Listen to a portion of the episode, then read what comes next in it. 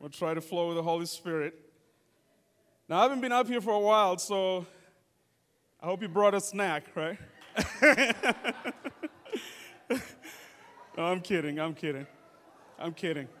Now, I've been known for being long winded, but I've been through a process, and God has taught me some things. And so you'll be blessed to know that I've learned how to be concise, how to get to the point, and how to just say what I need to say and get out of the way. So, but, but before, beyond that, I've, I've always known how to hear the Holy Spirit and kind of flow in what the Holy Spirit is saying and not just what I want to say. And that's the, the blessing of being a part of this church. You, you learn some of those good things. So, so look at the person next to you and say, tell them, for the least of these, we're going to go and spread the word of God. Okay, so that's the beginning of it. We're going to come back to that in a little while. But that's, that's the title of the message that I got a while ago for the least of this. For the least of this. Jesus didn't come for those who are well and flourishing, He came for the sick. And that's what He said in Scripture. He came for the lost nation of Israel to restore them into, into the house of God and to restore them into the fullness of what they were intended to be. So, in a season of pushing out and enlarging and expanding, and as we expand, God is sending us to go look for the least of these. Who are the least of this? It doesn't mean that they're poor. It doesn't mean that they're starving. It doesn't mean that they're little or small or puny or weak. It just means that they're the ones who are most desperate and most in need of the Word of God and the grace of God that lives inside of you and I. Who are the least of this? You run into them every single day. When you go to work, they're the least of this sitting next to you. They may have money in their pockets, but they're the least of this in terms of the revelation of Christ. And even if you don't have any money in your pocket, you have wealth in the kingdom of God, and you can bring something to them that can change and transform their lives. Who are the least of this? So as you walk out of here today, I want you to have that in your mind, and you're looking around and saying, Who's the least of this around me? Who are the least of these around me? I was teaching the, the tracks back then. I was telling them how I work. I, I travel for work and I train. And a lot of the people I work with are PhDs. And in that moment, I could, I could look at myself and say, I'm the least of this. So I joke around with it. I say, I'm a former high school teacher. After the PhD has been introduced and their whole resume has been run through, I did this, I did this, 30 years of this, 40 years of this, and I accomplished this and that. And I come up and say, I'm a former high school teacher. But I got some things to say too. And people laugh and then we move on. And by the end of the day, people are not looking at who has the resume or who has the qualifications. They're looking at who has what I need for this season and this time. So we've been the least of this in certain seasons and times, and now we have to turn around and look for the least of these around us and bring them into the fullness of the knowledge of Christ. No matter what they look like, no matter what they what they sound like when they come in, we want to bring them in from where they are and expose them to the revelation of Christ, so they're no longer the least of this, but they're the greatest among us because they've come to know the power of the risen Savior. You and I are like that. We were the least of this. As I go through this scripture, I could describe to you every season that I was in where I was one of these types of people. I was the least of this. But God didn't leave me there. The people that found me didn't leave me there. Mama Flo saw me when I was working at a group home, and she would look at me all the time, intently in the face, and I didn't understand why. And I'd get a little shy and look away. I'm like, I don't know why she's looking at me like that. but she was, she was seeing some things that I wasn't seeing. And she kept inviting me to church, and I'll say, I'll come. But if you knew me back then, I was uh, drunk. I enjoyed partying with my college friends. And uh, Sunday morning was not a day to wake up before 1 p.m.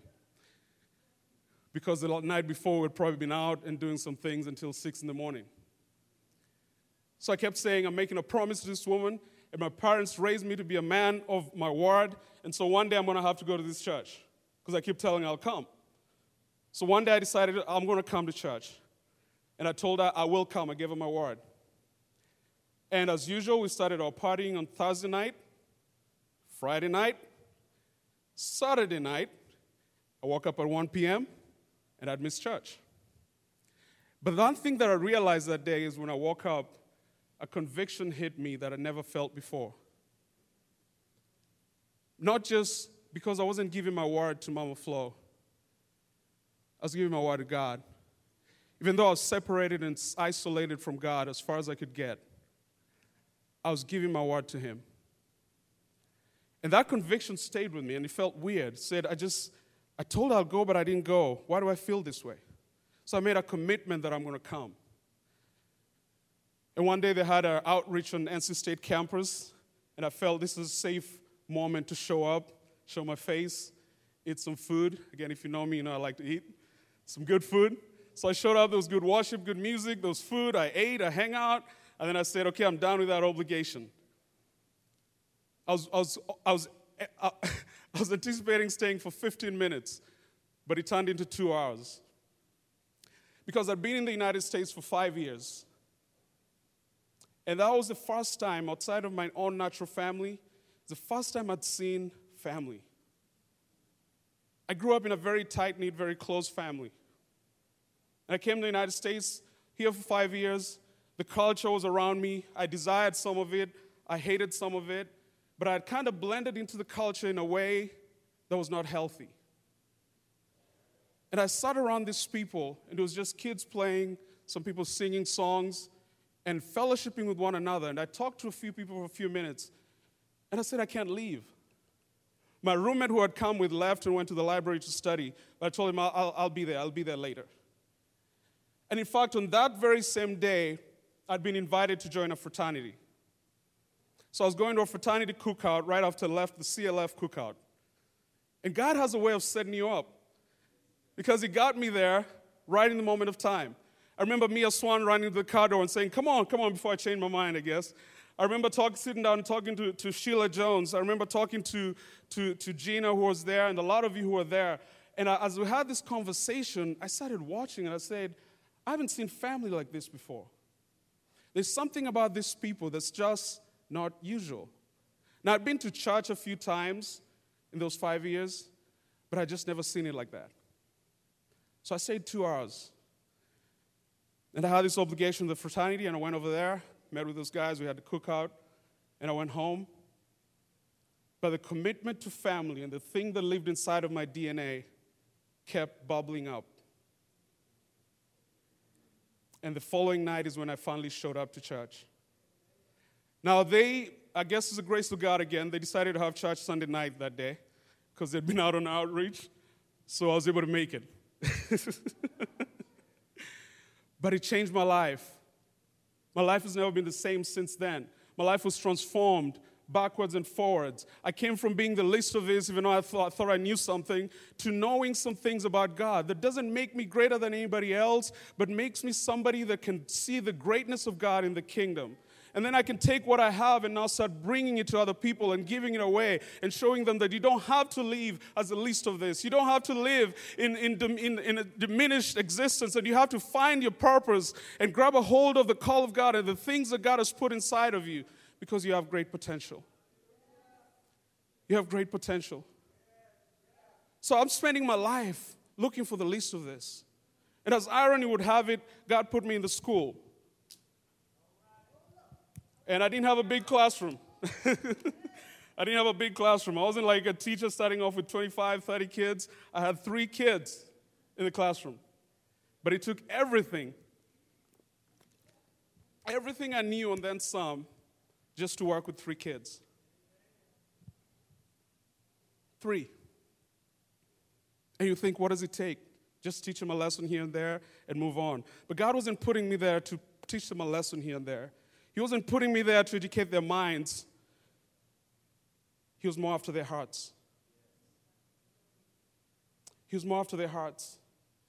And even though in those moments I felt like I was the least of this, God said there's still something in you that you can impart to Christian Masson. There's still something in you that you can give to Zinga Johnson. There's still something in you that you can give to Ashu Bond. And I started to give them exactly what I got. So I used to take notes on Sunday morning, and on Monday morning, I would give them the same notes. What was preached up here, I would repreach on Monday morning and say, Did you get the message? And for the most part, they didn't. So I said, I'll tell you what I got. And I'd add my own revelation. And it began to grow just like that. I didn't know the Bible. In fact, we did it together, went through scripture together. I said, I don't know, you don't know either. So we're going to look at the word and see what it says. And if we get stuck, there's some teachers down the, down, down the hall. Debbie Morgan is right next door. Or we can find Kim Kidd. We can find somebody that can help us. But I didn't have to have all the revelation in order to give what I had. I gave out of the lack that I had, and God increased it. And that's what He's calling this church to do in this season. He's not waiting for us to be big. He's not waiting for us to be in multitudes. He's saying, Give what you have, and I will add to what you have. Give what you have, and you'll get an abundance of more, much more than you can ever ask or think. He's saying, Give, give, give, and out of your giving, you will receive more. It's no longer a season for us to sit back and say, Let's wait. The waiting is over. It's time to give. It's time to give. Give to our community. Give to the people around you. Give to the people who live next door to you. This week we had an amazing situation happen. Our next door neighbor, some of you have met this couple, and, and they're not saved, but they, but they come to us all the time with prayer requests, and we talk about the things of God. And, and, and this, this past week, the, the dad, the, the kid, little girl's dad, the grandfather now was in the hospital. And he put this long post on Facebook saying, saying my, my dad is in the hospital, Dan looked good, and they actually left home to go be with him because they're thinking this is going to be the first death for their children they're going to get to experience. They're going to say goodbye to him. And I said, We're going to pray. Now, he put this thing on Facebook. He's not saved, so he just said, If you don't pray, just send some good vibes to him. I said, I'm going to send the best vibes, the vibes of the Holy Spirit. Not just good vibes or good feelings. It's going to be the Holy Spirit fully charged and power to be able to reach him. And I put out a text to the church as well. Say, let's pray for this man. He's on his deathbed. But hopefully, that through this, God will expose the reality of the living Savior and get a bunch of people saved and drawn closer to him. So we say that, and two days later, he writes another post. He said, The nurses don't know what to do, whether to send him home or just keep him for a few days for observation. Within two days, he had gone from death's door to them wondering, okay, we don't need to keep this man anymore. We, we don't know what to do. But that's the power of the God that we serve. He's not a God who looks for our greatness, but he looks for his greatness in the midst of all situations. If we just let him. For the least of this, I'm going to get into my message soon. But we're looking for the least of this. And they're all around us. How do you identify the least of this? I know you all have spiritual eyes and you can see these things. So instead of reading all the scriptures, I'm going to give them to you as a reference and ask you to go study on your own. Romans 14 is my foundational scripture, which talks about faith. It's pretty long, so if you go through, you can get a lot of meat from it, a lot of stuff from it. But it talks about how to really distinguish between where people are in their faith. What's their faith level? What can they believe God for? And how far can we take them depending on their faith? Now, the goal is not to keep them there, but the goal is to help them grow from faith to faith. So I'm always saying, it doesn't matter what people like, look like when they come in. All that matters is that they're pursuing God for life transformation. No, we're not one of those churches that says, just come as you are and stay as you are. It's come as you are and expect the life transforming power of Jesus Christ to transform you into his image. But you can come as you are you can come as you are. In Matthew 25, if you can pull that scripture up, that would be great. Matthew 25, 35 to 46. It's going to be the basis of what I'm talking about. Jesus was basically saying, one size does not fit all when it comes to the kingdom. One size does not fit all. If I take the same hat and put it on several different people, it won't fit them. Now, I'm blessed to have a lovely wife and wonderful children. And uh, a few years ago, we went to this uh, short marathon. It wasn't a marathon, let me not even say that. We were in for three miles. So, so it was nowhere near a marathon. And, and at the end of the marathon, you could take hats. They had all these hats that were blank, and they said you can do a calligraphy of your name on it and put it on. So that was kind of like the reward. So we got our hats, and you know, Tuanda was pregnant with Lillian at the time, so we got her one. But, but um, we didn't think get one for Lillian. But the, the hats were all the same size. It's one size. It was one of those hats that said, one, one size fits all. And when we got back, I gave one to Chris and Deborah, and one size did not fit all. now, for my head, I had to expand it a little bit to make sure it fit. But, but for them, for them yeah, I just stretched it a little bit. It's like, yeah, yeah, this, this is a little too small. But for them, the size, one size did not fit all. So Lillian has come around and this hat's lay around the house. And the other day she was looking, she's like, everybody has a hat with a name on it. Where's mine? Now she didn't say all that, she, but, but that's, that's, that was a posture. So she grabbed the one that had my name on it and she put it on her head. But you know, that thing covered up to her eyes because it didn't fit her. So Jesus approaches us the same way. One size does not fit all. You can't take a hat that is intended for a full grown Christian and put it on a baby Christian. It'll cover their face and they'll stumble and fall. At the same time, if you take a hat that's intended for a baby Christian and put it on a full grown Christian, it'll be like those Jewish hats sticking up into the middle of the head. and it wouldn't be right. So one size does not fit all. So we take people where they are and we move them forward in the kingdom based on their level of revelation, the level of understanding, and as they grow, they know more, they learn more, and they become more like Him, and they can digest and take in more. Now, some of the different types of people I'm going to talk about, they're, they're in tough situations. And God wants to send those people to us. As God was speaking to me about this, He was saying, I want to send you those who are hiding. I want to send you those who are naked, those who are strangers, those who need the depth of what you have. But will you be ready to receive them? I'm going to send you the list of this. So there are six types of people that, that uh, Jesus talks about in, in uh, Matthew 25. He says they're the hungry, the thirsty, the strangers, the naked, the sick, and the prisoners. Now, if you take this in human terms, you're going to miss the whole message. So it's not people who are physically hungry, it's, it's a spiritual thing. I'm going to explain that. So in, in Matthew 25 35, he says, For I was hungry, and he gave me something to eat. We're looking for the people who are hungry for the gospel, the meat of the gospel. Now, when I used to teach at the school, one of the things was to see who are the ones who desire more and I had little to no understanding back then. Who are the ones who desire a little bit more than what I have to offer? And who are the ones who can't handle it all? So the hungry. The hungry are people who will constantly be looking for more. And they're not just looking for more in terms of in weakness, but they're looking for more so they can grow.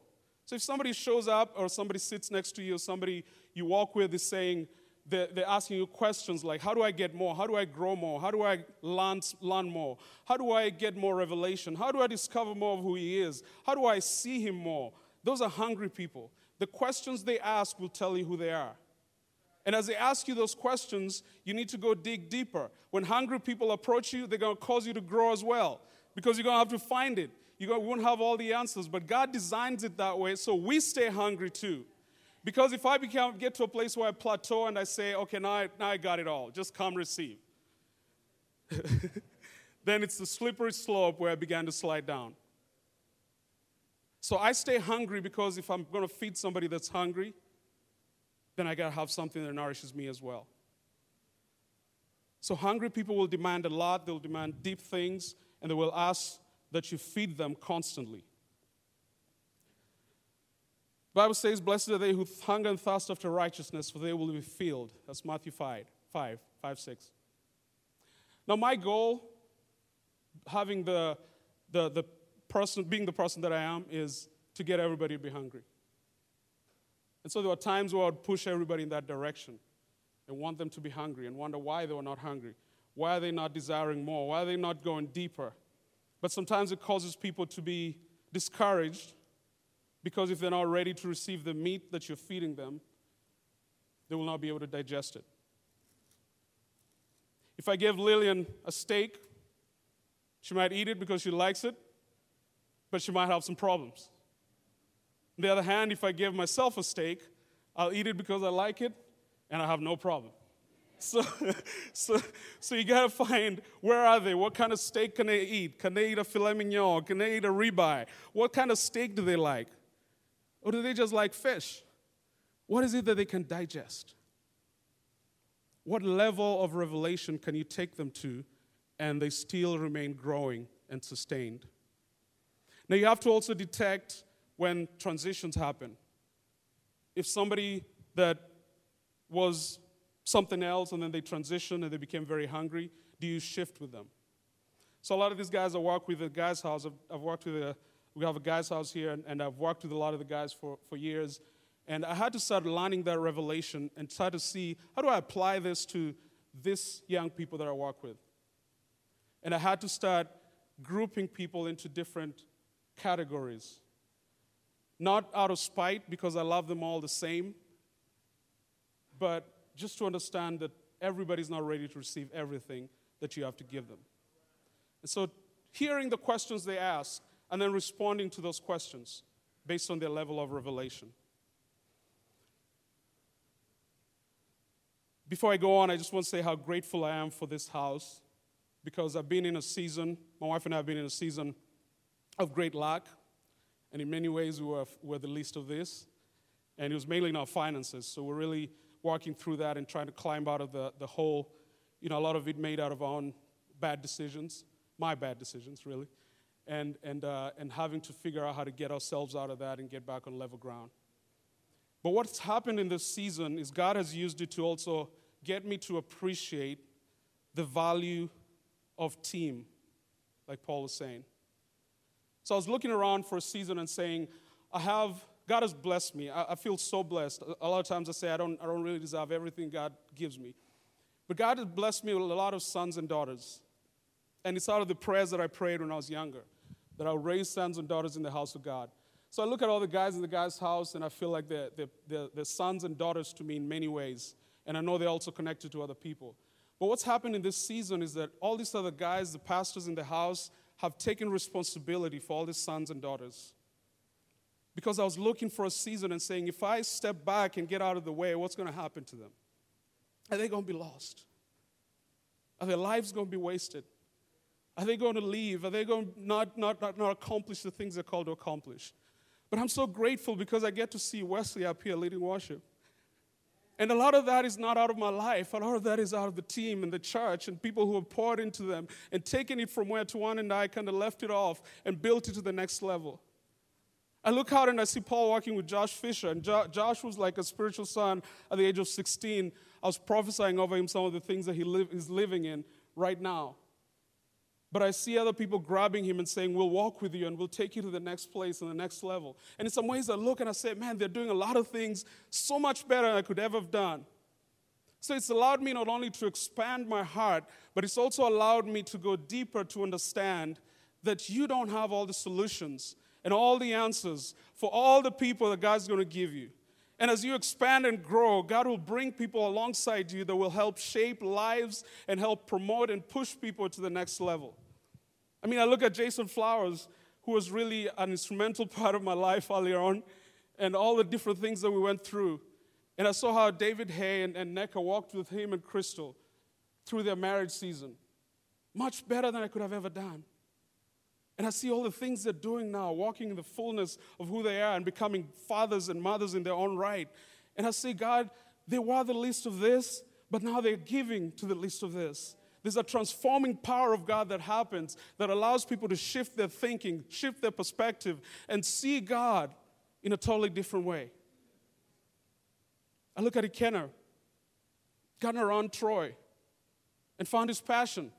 He used to tell me all the time, he used to come to my house all the time and cook up a bunch of stuff. And he loved it. And I was like, I don't know what to do with that. Because I cook a few things, but I don't like cooking. So I said, I said, I can't help you much. I like to eat, but I don't like to cook. So, so what's that? I, I ate it, yeah, I did eat. I did it. I just, I just thought, I, I don't know. I can't do anything with this. I can't help you. Can I get to the next level? I can give him advice, I can say go to culinary school. I can say cook and sell it. but I didn't know how that was going to work.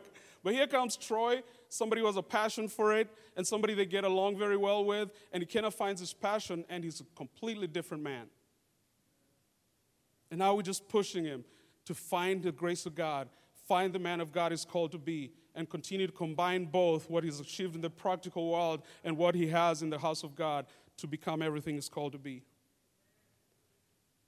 But there's value and appreciation. Value and appreciation for what the house provides. And I could never have, couldn't have it any other way.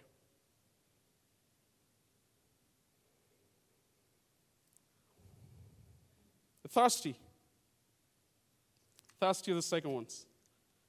Now, like I said, if you take this in literal terms, you'll lose the message. But thirsty people are not necessarily looking for meat, they're looking for nourishment. They're looking for nourishment.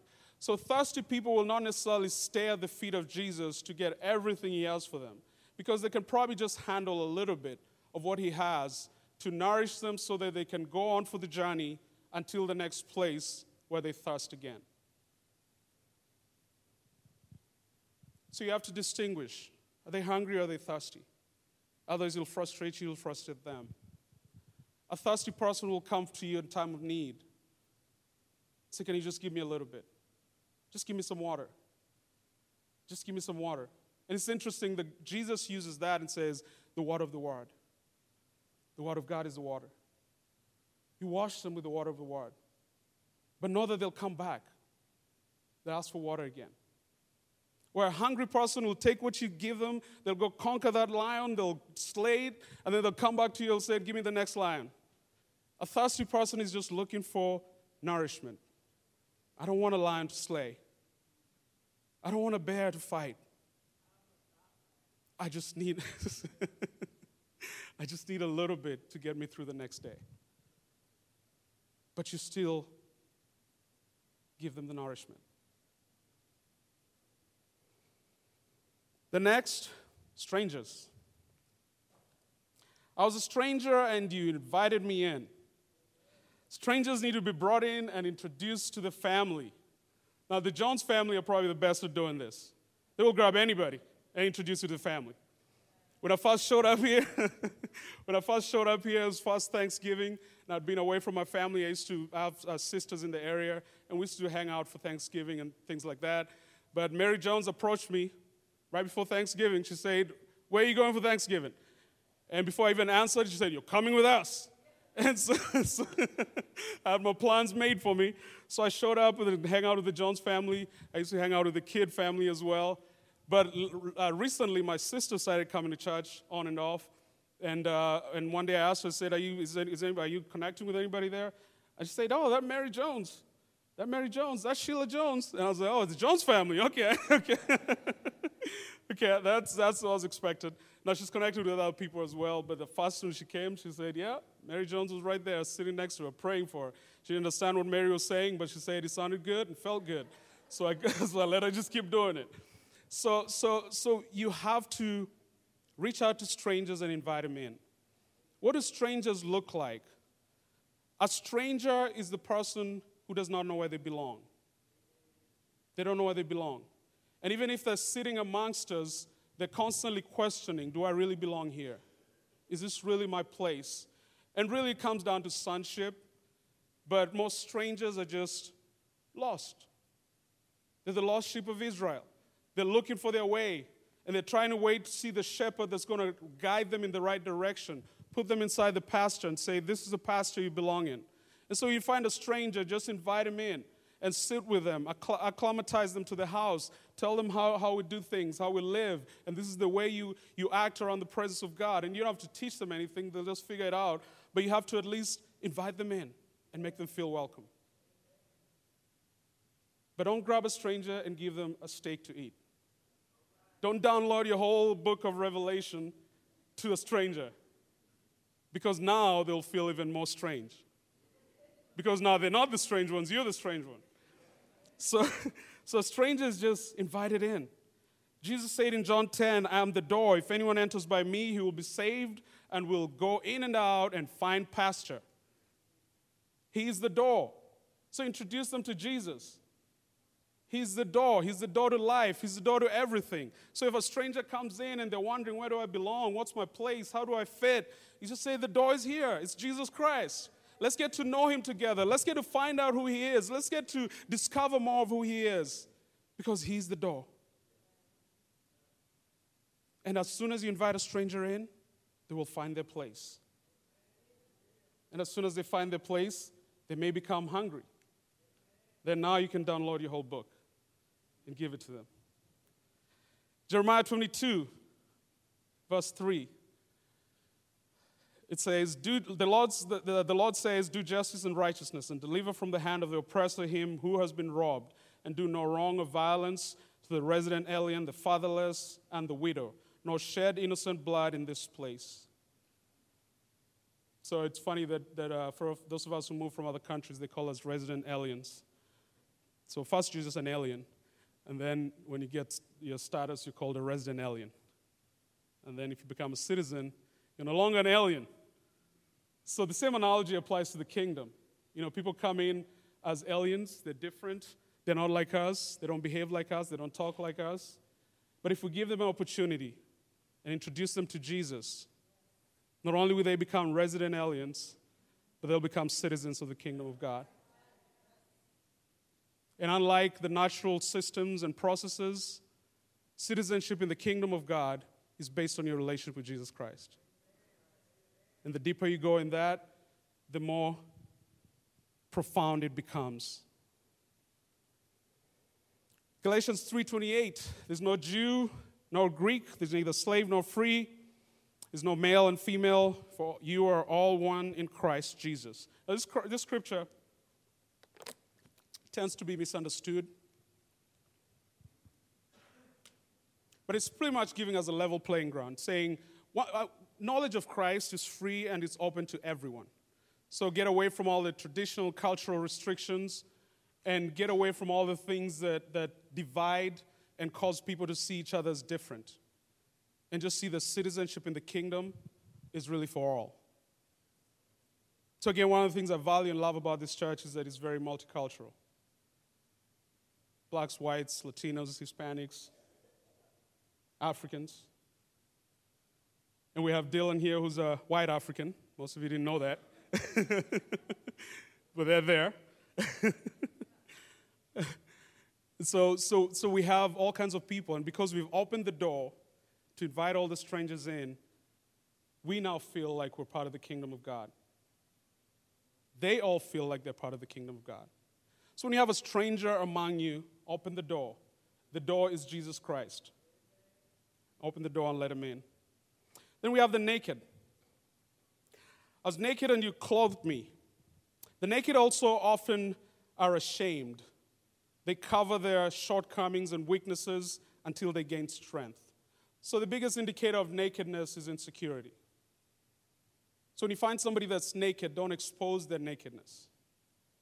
Because once you expose that, then it causes me to, them to feel even more naked. Now, this reality started in the Garden of Eden. Adam and Eve fell, and when they fell, they realized that they were naked. They realized that they were exposed. Because outside of the covering hand of God, they were exposed to the elements, they were exposed to sin, they were exposed to everything out there that could bite and devour them. So they realized that they were naked. And when we go through life and exposed to sin and walk through all kinds of situations, whether it's tough situations or just life things, uh, decisions that we make, we become naked at some point. And he says, I was naked and you clothed me. Naked people need covering, not exposure. They need covering. The best covering, obviously, is the Lord Himself. Adam and Eve had the covering of the Lord Himself, but because they blew it, their nakedness was exposed. And now they began to walk around wondering why they should hide from a God they were so close to before. So that's all that's happening with naked people. They're exposed and they're separated from God. And once they come under the covering of God, the nakedness is taken away and they realize that before Him they can be naked and unashamed and not have to worry about all those things. But our role in their lives is to cover them, not to expose them. If you expose their nakedness, you're alienating them farther, you're pushing them farther away. Listen to this. When, when God came to Adam, he asked him why he was hiding. And Adam says, I was naked. Basically, I was exposed.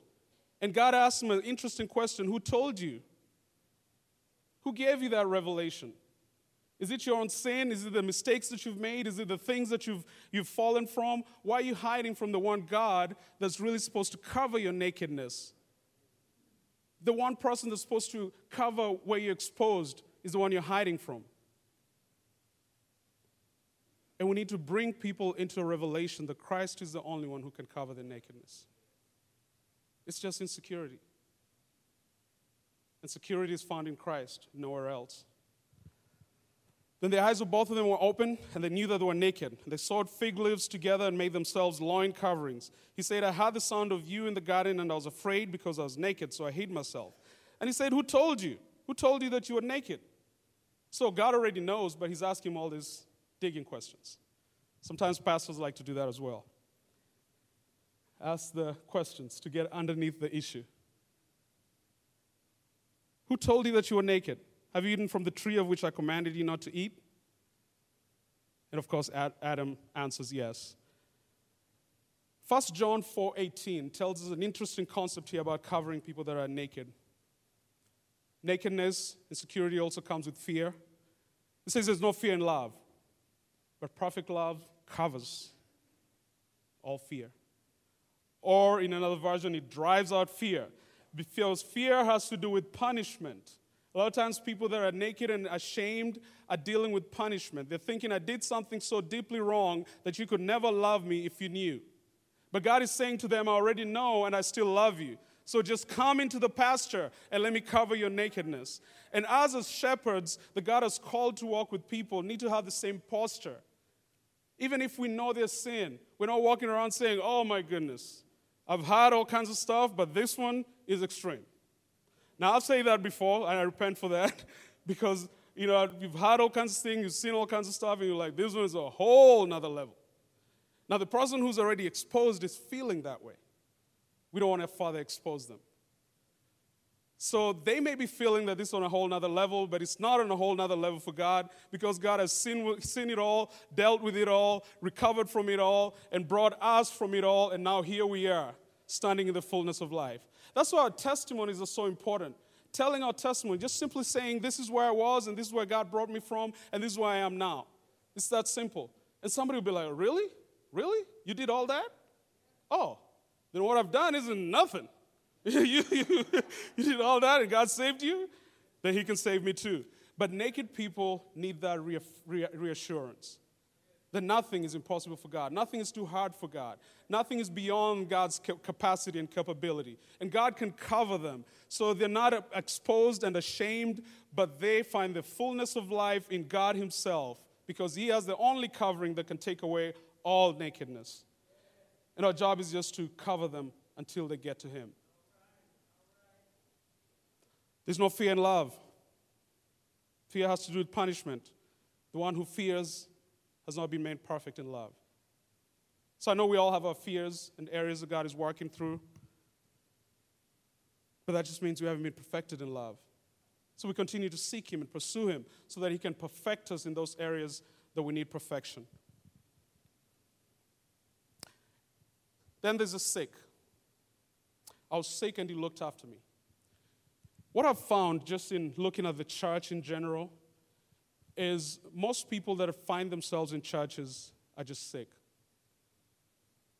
Now, I'm not talking about physical ailments, I'm talking about sick from sin. Exposure to sin, sin that lives inside of you, sin that you don't even know about, generational sin, and they're just sick. So it may be somebody that's destined to be hungry, but because they're sick, you have to treat their sickness first.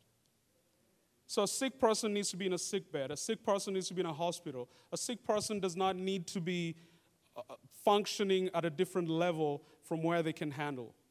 You won't take somebody that's on the sick bed and say, well, let's go do some construction work. That's impossible. They can't handle it, they can't do it. Just physical sickness.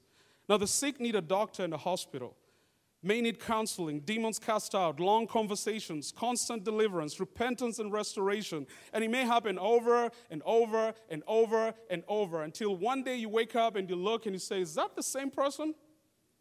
But you realize the years of travail, the years that you stayed up at night, the years that you cried out to God, the years that you, you, you prayed for them and laid hands on them, the years that you spent and the time that you devoted all paid off because now their sickness is completely gone and they're standing in the fullness of who they are and now they can give glory to God and help go find another person that's sick just like them and say, I was there and I was restored. I was there and I was delivered. Now I can bring you into wholeness as well.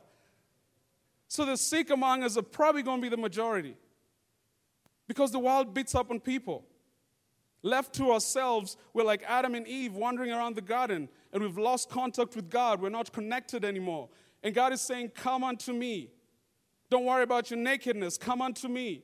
And then He clothes us and brings us to wholeness. And as we come into our wholeness, we realize that God was always looking out for what will bring us wholeness and fullness of life and not to expose us in any way or not to diminish our worth in any way.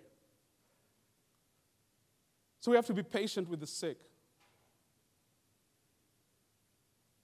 Patience, the world says is a virtue, but the Bible says it's a fruit of the Spirit. So I think people say that in the world to excuse themselves from having to have patience. Now, I'm not saying anything that I haven't been myself. A lot of these things I've been and done. I've complained. I've said, well, how, when will they get it? When will they get it? Ah, ah. All these conversations. But I've had to go back on my knees and say, God, if there's any more grace, if there's any more conversation, even if it's not me, if it's somebody else that will have a conversation, because we want to see them in the fullness of who they're called to be. It's a travail. It takes a depth of love to cover people like that.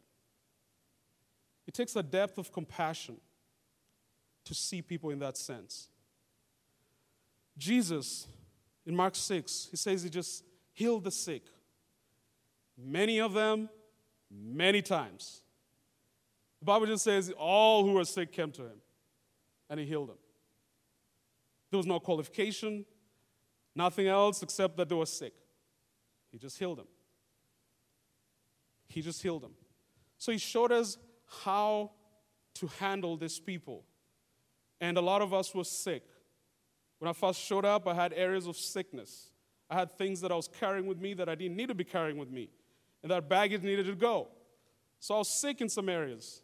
Now, funny thing is, I was sick, but I was also hungry. So I was asking for more, more, more, more, more. But I'm like, oh, I'm sick over here. More, more, more, more. Give me more. This hurts. So I had like a split personality there. But, but by the grace of God, people were patient with me people who had conversations with me from, from uh, Tiffany and Eric and CJ and, and Paul Kidd, people that just talked to me over and over and over and over. I was the one to do those long conversations because there was a lot going on. So half the conversation is going to be what I'm hungry for. Other half is going to be, I'm sick. I'm sick. I'm struggling. I'm sick. But sickness goes away.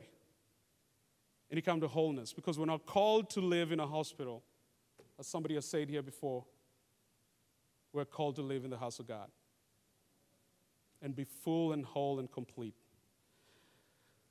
So Jesus said, Come to me, those who are weary and heavy laden or heavily burdened, and carry, and, and I will give you rest. Take my yoke upon you, let me teach you, because I'm humble and gentle at heart, and you'll find rest for your souls. So you may be sitting here listening to this and saying, Maybe this is me. And how do I reach out to somebody else if I'm dealing with the same thing? There's grace. There's a sense of grace, there's a sense of fulfillment that comes from God restoring you so you can go restore others.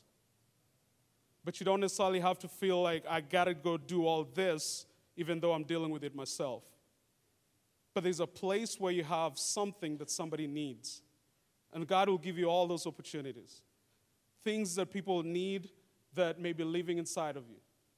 And when God gives that to you, you're freely willing to give it away. I love talking to some of these young people, mainly talk to Daniel and Dylan right now, and just the passion and the love of God that lives inside of them really helps inspire and drive me back to the cross.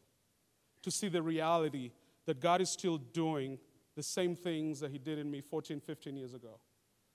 The same things that He was working in me and through me, He's using these young people to do the same. But my encouragement and my push to them is not that they'll just bask in that and live in that, but that they will look out and look up and see who else needs this? Who else needs what I have?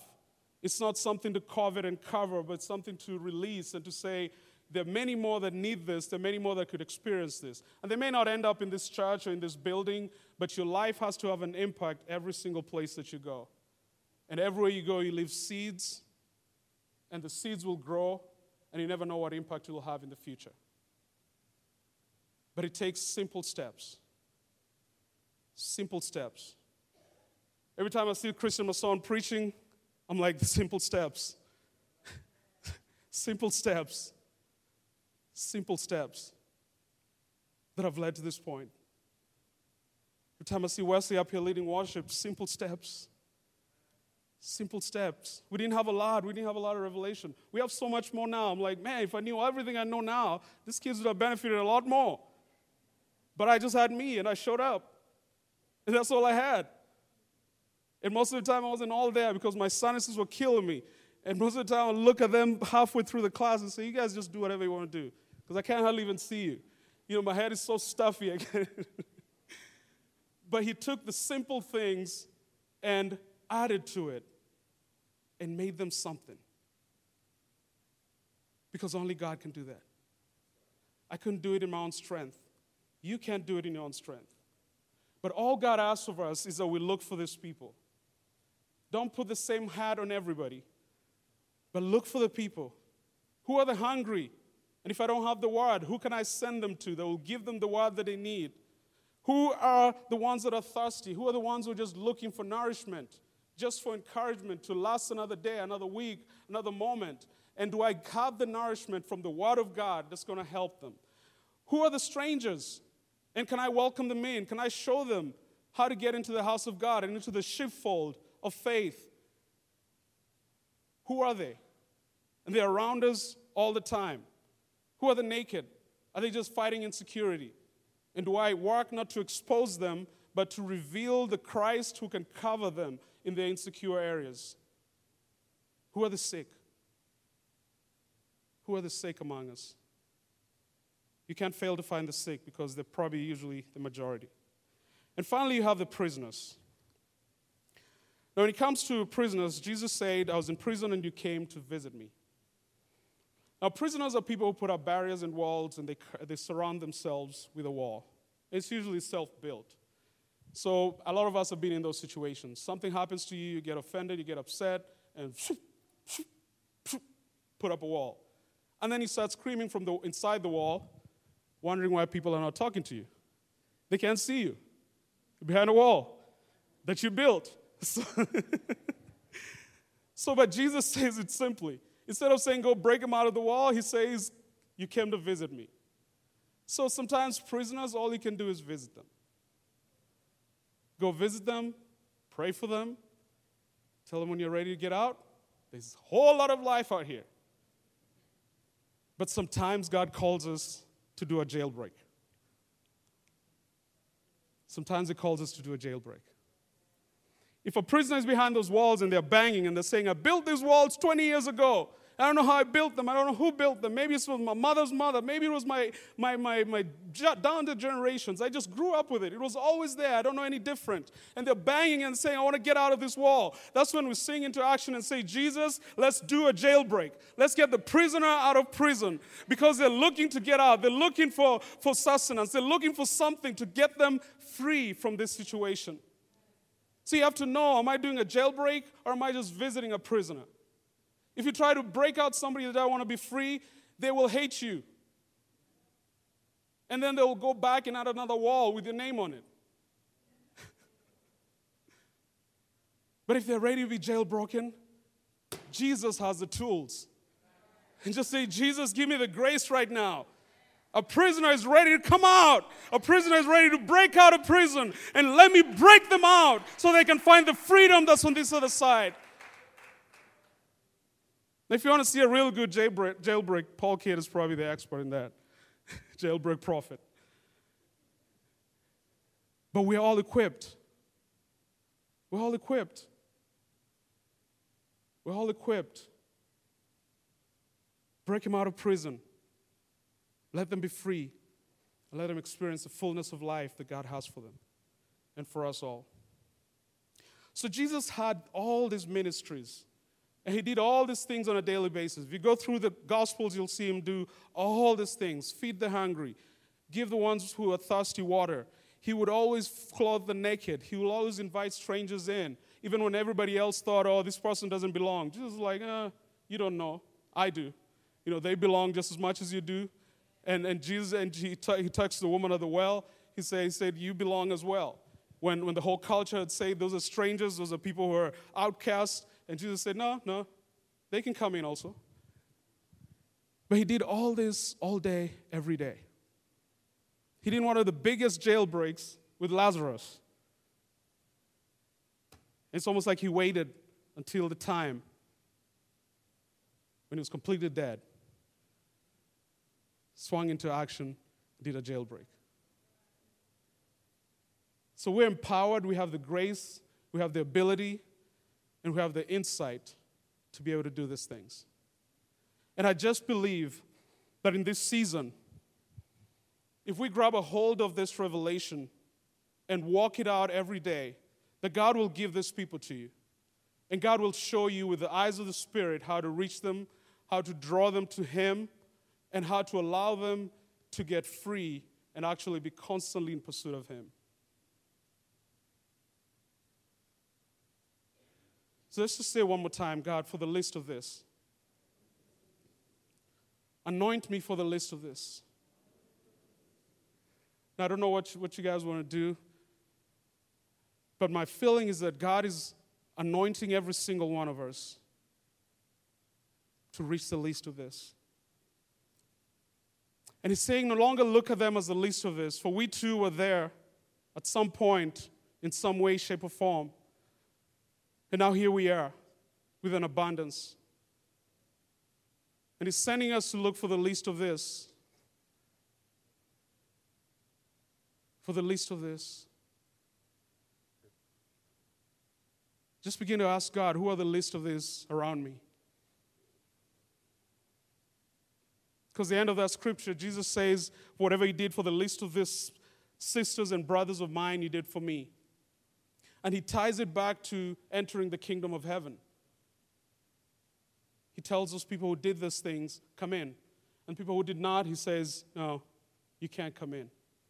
So he ties it all to our access to heaven, doing what we can for the least of this. Jesus anoint us for the least of this. Just tell the person next to you, I'm going for the least of this. I'm looking for the least of this. Heavenly Father, anoint us. Thank you, Jesus.